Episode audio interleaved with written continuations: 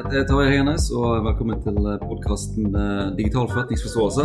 Eh, Jeg lurte på litt undertittelen 'For en tid å være i, i live i'. Eh, Hva tenker du om den, Jørgen? Ja, for min del så er det jo knallgøy å jobbe med det jeg gjør i disse dager. Det må jeg si. Så eh, Min gjest i dag er da Jørgen Helland, som jobber med eh, strategi og merkevarer i Scandinavian Design Group. Og eh, vi møttes jo for noen år siden og når eh, vi jobbet sammen på et kurs eh, i sosiale medier. Så det er en stund siden. Eh, og du jobber jo nå med digital merkevare og merkevarebygging, og, men du starter ut som, med en sånn master of science i, i sosiologi. Mm. Kan du bare få en sånn kort recap på hvordan du havner her som du havner i dag? Jeg jobba med digital kommunikasjon egentlig når jeg, jobbet, når jeg tok studiene mine òg. Begynte å jobbe med, på nett i 99, tror jeg. eh, Med å fylle innhold i en eh, nettkatalog. Eh, Så har jeg vært gjennom hele disiplinene på digital markedsføring før jeg havna med å jobbe med brukeropplevelser og sosiale medier i halogen. Mm. perioden jeg møttes. Ja. Så gikk jeg jo til Brandlab etterpå og fant vel der mer av mitt eh, faglige kall. Jeg jobbe med merkevarestrategier og overliggende ting, ikke så veldig nitty-gritty ned på de tekniske eller kommunikasjonsmessige delene da. Mm. Eh, så jobba jeg i Skipsted i tre år. Hadde veldig lyst til å lære mer av faget mitt på innsiden, og gjerne i en internasjonal kontekst. Og det fikk jeg jo lært veldig mye av der. Og så begynte jeg i SDG for eh, ett og et halvt år siden, januar i fjor. Mm. Ehm, og har hatt eh, gleden av å jobbe med både store og små merkevarer siden den tid. Mm. Og med mye design og design thinking, og i tillegg til det rent merkevarestrategiske. Mm. Bra, spennende. Uh, når vi snakket litt sammen om hva vi skulle, hva vi skulle snakke om i podkasten, så sa du at uh, digitale merkevarer, det, det liker du å snakke om. Så kan du bare eh, kort fortelle litt om eh, digitale merkevarer, og hvordan eh, det plasserer seg litt sånn i forhold til andre eh, si, mer kjente begrep, iallfall for meg, som digital strategi og digital markedsføring? Mm. Jeg, jeg leser stort sett alt om ehm, selskaper som kommer ut fra eh, Silicon Valley, for å si det rett ut. Digitale digitale merkevarer sånn generelt. Selskaper som preger vår hverdag, som har stor påvirkning på det vi holder på med, og tenker og gjør og føler, og hvordan vi interagerer med hverandre, og hva det gjør med selskaper og sånne ting. Alt det der syns jeg er superinteressant. Og har egentlig ganske lenge egentlig bare kjøpt alle bøkene jeg har kommet over innenfor det temaet. Mm. Så liksom denne eh, historien rundt digitale merkevarer, spesielt globale, har alltid vært veldig, veldig interessant. Mm. Eh, og eh, så syns jeg jo at eh, når du møter liksom merkevareteorien og måten dette her tingene er satt opp på, så er det jo ganske mye begreper som bruker mye teoribegreper som er ganske etablert innenfor det området, som jo, i hvert fall som for meg, ikke ser ut til å passe veldig godt på de selskapene. Mm.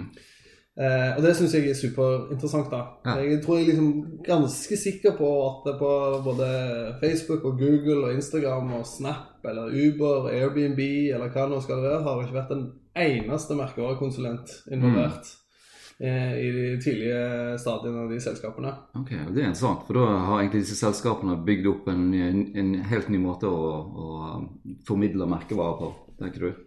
Ja, det er jo en kombinasjon da av i hvert fall sånn som jeg klarer å lese historiene rundt det, at det har mennesker som klarer å samles rundt noen veldig sånn enkle, men allmenngyldige ideer. Mm. Og at historien, merkevarene, det visuelle designet og alt dette her passer liksom inn i et mønster som nesten ser ut som det kommer fra, fra dypet, eller fra, Mm. fra mageregionen på en Ja. gruppe med mennesker, heller enn det kommer fra sånne folk som meg som sitter og tenker de ut, da. Ja, jeg skjønner. Ja, og det syns jeg er et sånn paradoks når man, når man liksom måler dagens viktigste merkevarer i verden i dag, så er jo åtte av de ti mest viktige ifølge Interbrand er jo digitale merkevarer. Mm. Det er spennende. Og jeg tenker litt på han eh, jeg heter Ishmael som skrev den boken eh, 'Exponential Organizations'. Mm. Og da sier han at Et av kjennetegnene deres er at de har eh, massive transformative purposes. Ja. At det er Det, det på en måte resonnerer litt med det som, som du sier nå, at de, de klarer å formidle til sine ansatte og til omverdenen at uh, vi er ute, vi er ute etter å forandre verden, rett og slett. Ja, og de gjør Det er det som er så interessant med hele denne biten, når de klarer å tenke seg rundt hva er det egentlig de prøver å oppnå. Så treffer de liksom et system eller en måte å se på verden på der de får tilførsel av enormt mye risikovennlig kapital som gir dem mulighet for å vokse veldig veldig raskt. Mm. Og samtidig skal de altså skalere produktene sine ut og bygge organisasjonene sine. Mm. Og alt dette må passe inn i liksom den aller enkleste felles multiplum, Ja. som jo da blir merkevarene. sant? Mm. Og du ser jo både på, på liksom visjonene og tankene til Zuckerberg sant? Om, Mm. om at han ønsker å knytte, til seg, knytte alle menneskene i verden i samme Ja, eh, plattform. Det er selvfølgelig interessant, for det stort, eller veldig mange mennesker i verden i dag er jo på internett allerede. Så det er jo et nettverk allerede. Ja, sant. Eh, men alle vi andre da klarer jo å forstå Zuckerbergs visjon veldig tydelig. Mm. Vi klarer å skjønne hvorfor Facebook gjør som de gjør i mange av disse tilfellene. Mm. Vi forstår òg hvordan linken mellom å få hele verden inn i telefonen din eh, henger sammen med at det må filtreres og styres på et eller annet vis. Mm. Eh, og så lenge vi opplever denne tilknytningen til helheten, så bryr vi oss ikke så veldig mye om alle de der negative effektene med liksom algoritmene bak og forretningsmodellen som tjener penger på data Mm. som vi gjerne ikke visste vi delte, Ja. eh, og så videre, og så videre. Ja, så sant det. videre. Så, så den eh, Så den fellesskapsfølelsen er liksom uavhengig og, og, og nesten uavhengig av plattformen. Så, så, så lenge du får folk inn på den plattformen og interagerer der, så, Ja, så, så kan den eh, representere eh, mange ting for, for mange folk. ikke sant? Eh, mm. Fordi det er en idé, en tanke, som er allmenngyldig for alle. Alle skjønner hva det er. Alle mennesker i verden ønsker å føle seg tilknytta. Mm. Og alle mennesker i verden kjeder seg en gang iblant, og alle ønsker å få litt innhold en gang iblant. Mm. og det liksom, Alle ønsker å føle at de er en del av et menneskelig nettverk med relasjoner. Sant? Ja. Er det, er det noen sånne foregangspersoner som har eh, skrevet eller sagt noe om eh, de her digitale merkevarene som, eh, som du på en måte lener deg litt til? Um, Altså, Innenfor merkevareteorifaget så vil jeg jo tenke at det, det dreier seg veldig mye om bruk av skikkelige verktøy og sånne ting. da. Min mm, kollega Mona Nordhagen har jo skrevet raketter og rabeller som oppsummerer og gjør mange av de verktøyene som et selskap kan bruke, veldig lett tilgjengelige. mm, Vi bruker jo de hver dag, òg for digitale merkevarer. mm, Eh, men eh, liksom å se bort fra liksom, verktøyene og teorien og sånne ting, så syns jeg jo at eh, man burde holde et øye med Scott Galloway og Cara Swisher på eh, der de diskuterer ganske mange ting som er veldig sånn digitale merkevarer-relatert på, på podkasten sin eh, Pivot. Eh, Scott Galloway har skrevet en bok også, som heter The Four. Nå er jo han rimelig dystopisk anlagt, eh, så han har jo ikke et veldig positivt syn på de digitale merkevarene. Og jeg eh, har vel en tendens til å være enig med han i det. mm, Eh, og ellers syns jeg det er viktig å lese historikken til veldig mange av disse selskapene. Forstå hvordan kulturen og produktet, businessen og merkevarene henger sammen. mm. Det er interessant. Eh, jeg tenker sånn eh, I forhold til eh, en er det, er det mulig å skille mellom en digital strategi og en digital merkevarestrategi, eller er du er det, er den helt, hvis du gjør det skikkelig, er den helt integrert med den, med den vanlige forretningsstrategien, eller hva, hva Jeg er nesten mer interessert i hva du tenker. Ja. det, det som jeg tenker, er at mange eh, Idealbildet er jo nå at eh, denne digitale strategien skal smelte sammen med forretningsstrategien og bli en digital forretningsstrategi. Ja.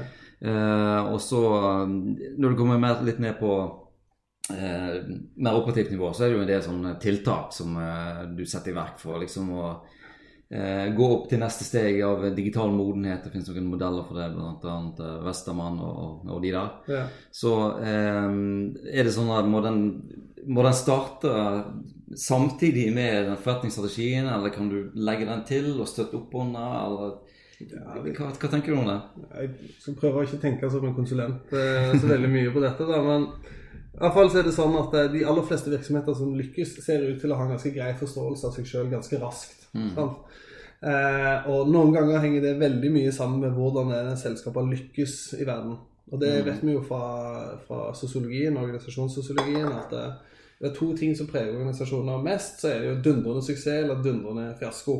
Mm. Det er jo de tingene som liksom navigerer organisasjonen inn i det. da. Mm. Og det er organisasjoner som utformer strategier, virksomhetsstrategier. Det er ikke bare ledere. Vi må være i tråd med hva er det folk har lyst til å gjøre, og hvordan de ser seg sjøl.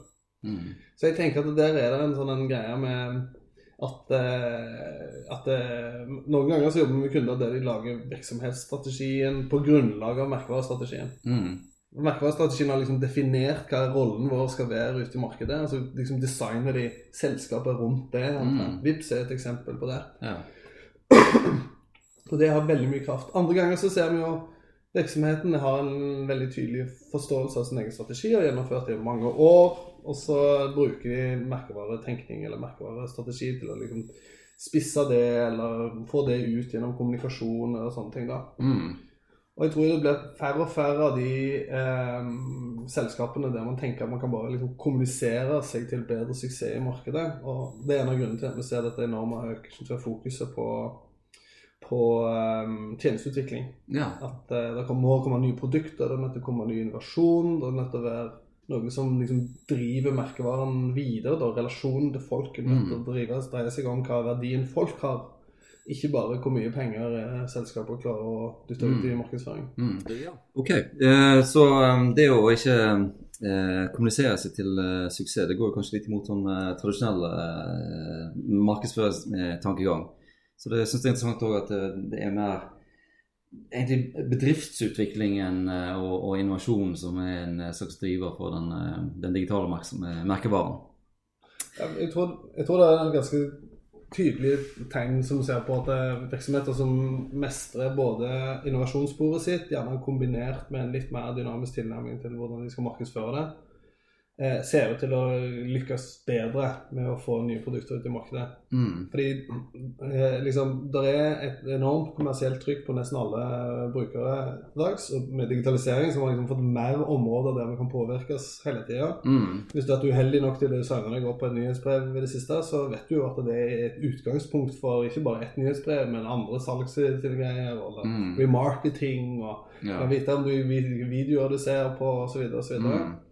Så det handler om å få alt dette til å spinne inn i en kontekst da, som gjør at det ikke oppleves som et sånn overdrevet markedstrykk for brukere i mange, veldig mange kategorier. Mm. Og gjerne spesielt innenfor B2B, der eh, man antar jo at eh, brukerne er mer rasjonelle, men de er jo ikke det. Nei. De, er jo bare, de har bare litt lengre lister med kriterier de skal Ja. gjennom. De er mennesker, mennesker de òg. Heldigvis. Heldigvis. Ja.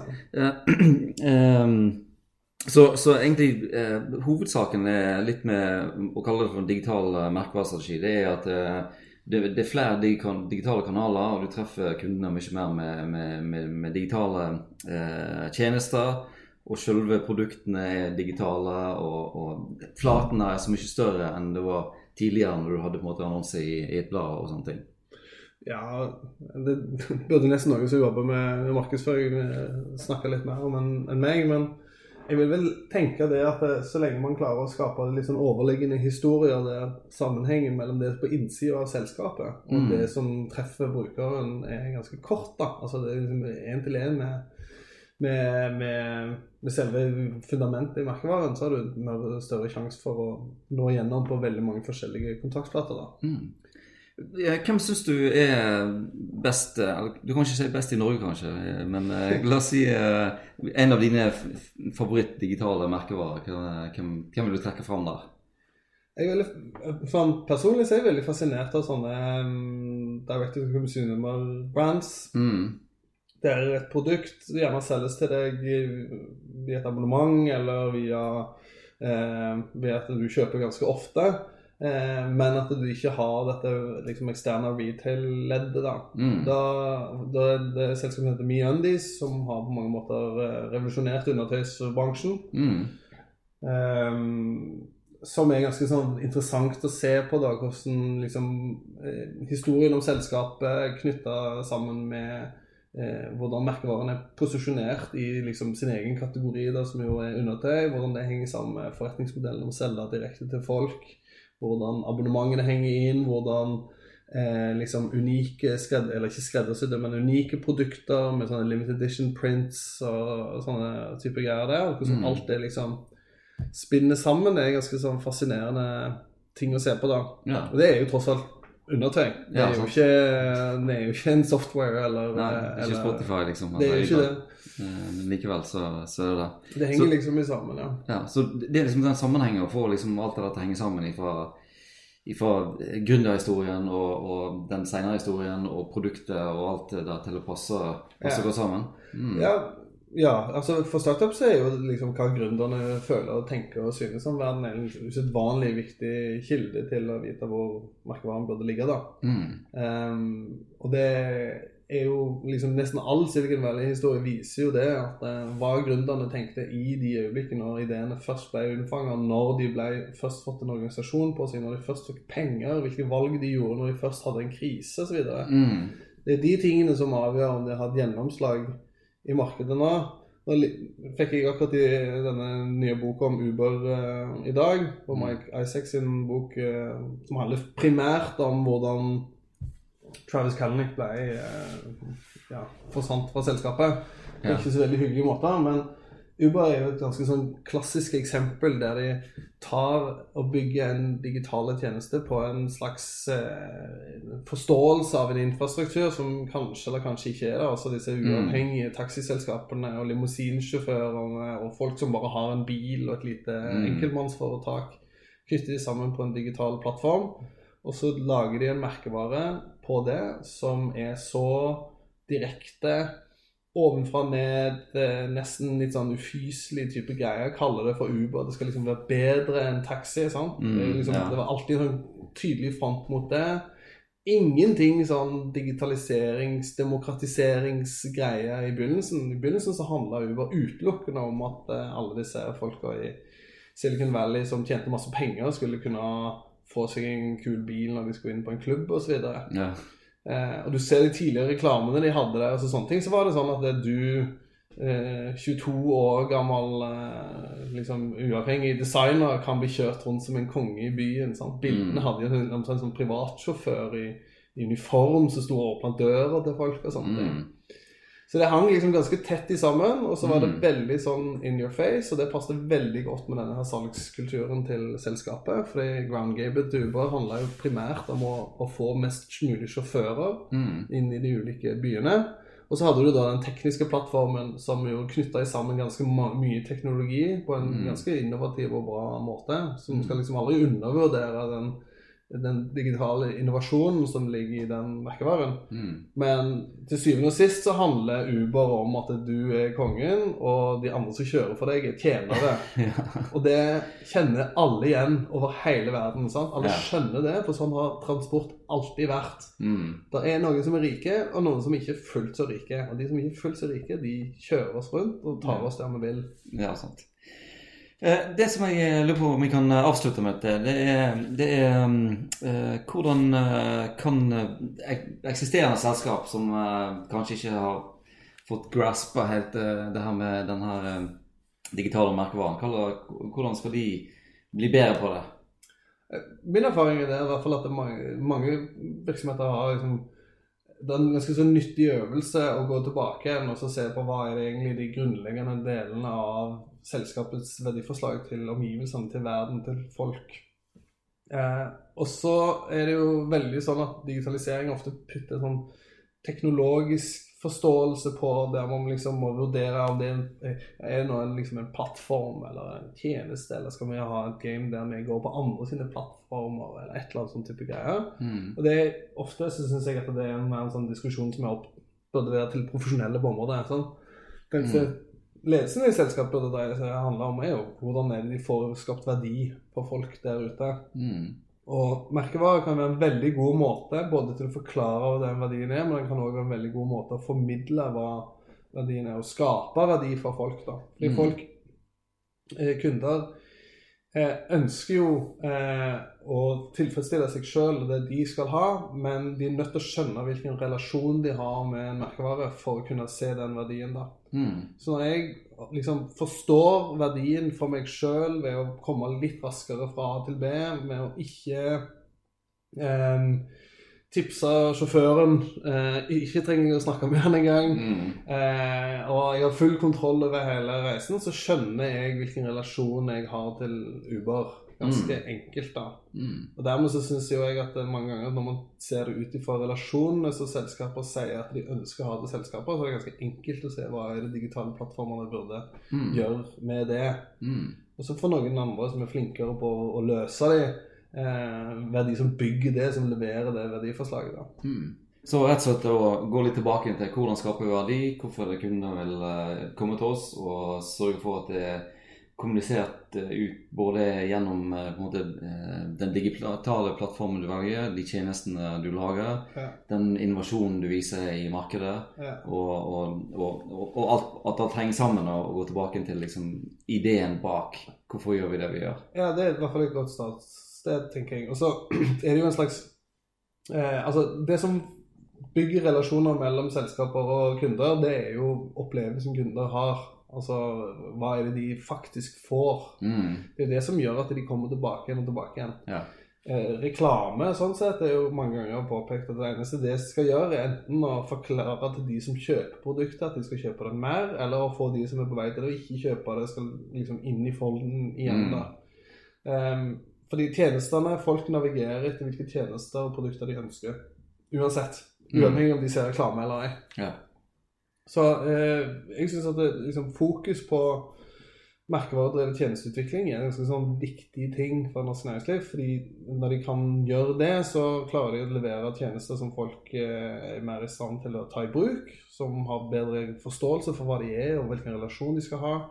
Og så kan de òg sørge for at de klarer å utvikle nye tjenester og videreutvikle produktene innenfor et sånt landskap som gjør at de liksom ikke prioriterer bort ting som de burde ha innafor, eller velger nye tjenester som de ikke burde ha brukt ressurser på å utvikle. Mm. Kaste vekk ting i markedsføring som ikke var verdt å markedsføre, osv. Mm. Veldig bra. Ehm, jeg tror si, jeg tror vi må gi oss her og si tusen hjertelig takk for at du tok deg tid til å prate litt med meg på denne podkasten. og eh, så vil jeg si takk til de som hørte på. Takk. Ha det bra!